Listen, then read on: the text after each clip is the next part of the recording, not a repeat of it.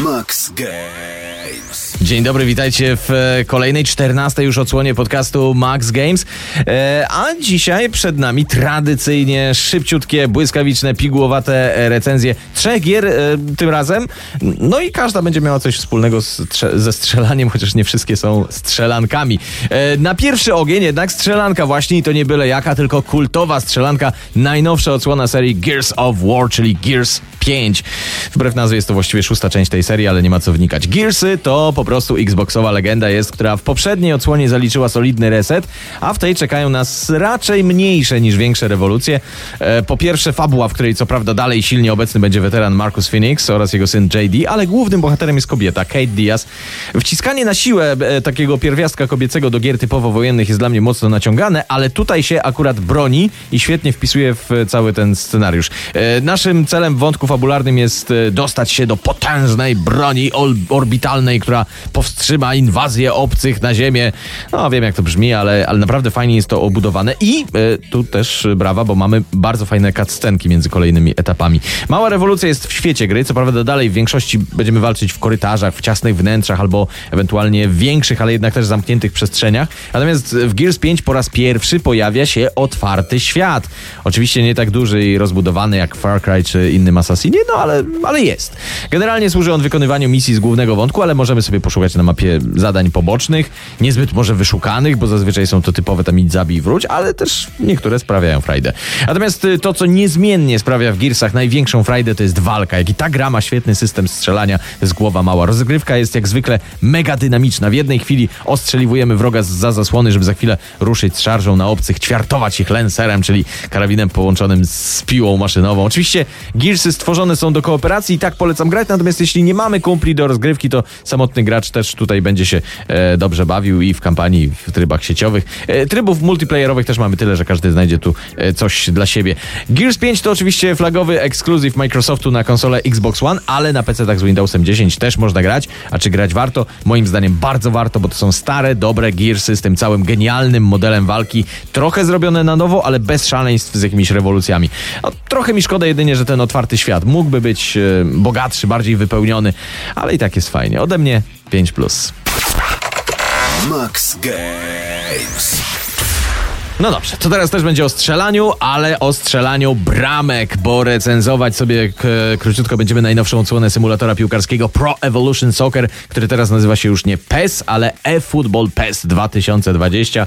E, Ta zmiana w nazwie ma podkreślać nastawienie na rywalizację e-sportową. E, W recenzowaniu symulatorów e, piłkarskich, a właściwie ogólnie wszystkich sportowych, można by zawsze zaczynać od zdania to samo, co w zeszłym roku, ale no i tych ale, czyli tych zmian czasem prawie w ogóle nie ma, a czasem jest tak dużo, że mamy rewolucję. W przypadku PES 2020 jesteśmy e, e, bliżej raczej tej pierwszej opcji. Ze zmian, które rzucają się w oczy e, od razu, no to mamy trochę wolniejsze tempo i bardzo ciekawą e, domyślną kamerę ze środka boiska, która podąża za grą, ale nie przesuwa się wzdłuż bocznej linii, co pozwala poczuć się jakbyśmy oglądali prawdziwą transmisję telewizyjną. Fajny bajer, chociaż mało praktyczny. Ja dość szybko zmieniłem tę kamerę. E, Co do samej istoty rozgrywki, no to da się odczuć, że obrońcy w tym roku są jacyś tacy zagubieni, za wolno się odwracają, za wolno reagują, za wolno odbierają piłkę. Trochę to wygląda tak, jakby najlepsi obrońcy świata nagle zamienili się talentem z polskimi trzecioligowcami. A wprost wynika to chyba z faktu tego obniżenia tempa, które szczególnie dotknęło obrońców. Natomiast pomijając te, ten aspekt, to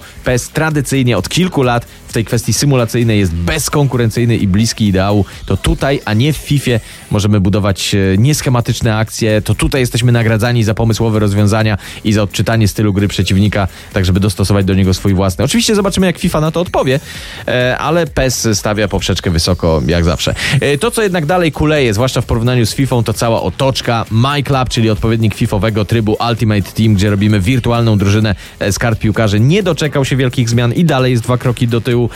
Tryb kariery Master League trochę wzbogacony, ale głównie mało znaczącymi bajerami. Tryby sieciowe się właściwie nie zmieniły.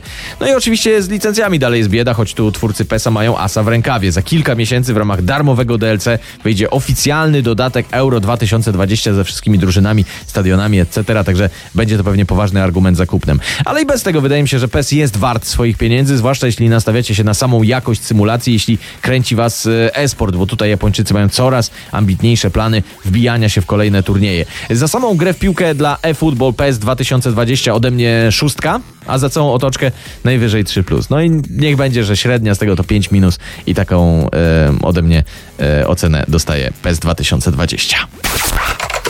Max Games. No to jak na strzelance zaczęliśmy, to na strzelance skończymy. Konkretnie na jednej z najbardziej wyczekiwanych strzelanek tej jesieni Borderlands 3.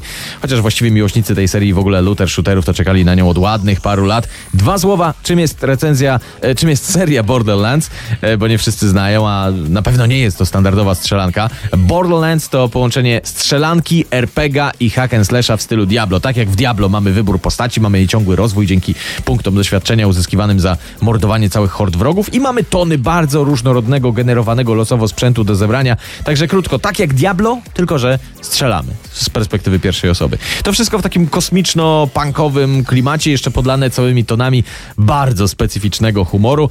E, Borderlands 3 nie wprowadza jakichś gigantycznych zmian w całym trzonie rozgrywki, ogromna dynamika, e, mordowanie na potęgę, rozwój postaci, wymiana splów na coraz lepsze i tak dalej, i tak dalej. No ale na przykład robimy to wszystko w zupełnie nowych lokacjach. Po raz pierwszy w historii serii opuszczamy rodzimą planetę Pandora, i wędrujemy sobie po innych światach, bardzo rozbudowanych, bardzo zróżnicowanych i wypełnionych e, sekretami do e, odkrycia i, i splądor, splądrowania. Mnie najbardziej do gustu przypadła planeta Eden 6, e, stylizowana trochę na e, amerykańskie południe, ale mamy też planetę Prometeję, wypełnioną zrujnowanymi wojną wieżowcami oraz e, górzystą Atinę. E, każdy z nich e, bardzo przyjemnie się eksploruje. E, no i mamy też nowy typ, mam nowy typ postaci, który jest trochę wzorowany na jakimś takim druidzie albo innym władcy bestii. To jest robot Flak, który raczej stworzony jest do walki na dystansie, a można to zmienić. Natomiast e, może przywoływać się zwierzaki, które załatwiają za niego wrogów w bliższej odległości. W ogóle postaci jest cztery, a pewnie dojdą kolejne i każda z nich ma bardzo, bardzo, bardzo rozbudowane i zróżnicowane drzewko umiejętności, więc zdobywanie kolejnych leveli e, i inwestowanie punktów to e, naprawdę ogromna przyjemność. No i dużo głowienia się też.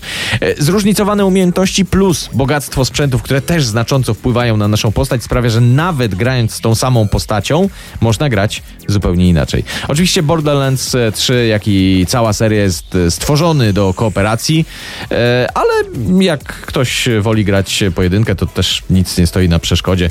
E, da się spokojnie i też czerpie się z tego dużo, dużo frajdy. Dwie rzeczy na koniec. Co prawda w tego typu gry nie gra się dla fajnej fabuły, ale trzeba pochwalić twórców, że ta fabuła jest naprawdę przyjemna, wystarczająco długa, ale nie nużąca. Dialogi są też dużo mniej drewniane niż w dwójce, za to brawo. Natomiast mniejsze brawa za grafikę, która wielkiego postępu przez te kilka lat nie, nie zrobiła i wydaje mi się, że no, trochę więcej by się dało wycisnąć. Podsumowując jednak Borderlands 3 na pewno spodoba się miłośnikom serii i da im dużo frajdy. Może tych nowości mogłoby być więcej, może chciałoby się w kilku miejscach większej rewolucji, może nie jest idealnie, ale jest dobrze. Bardzo dobrze. Ode mnie dla Borderlands 3 mocna piątka.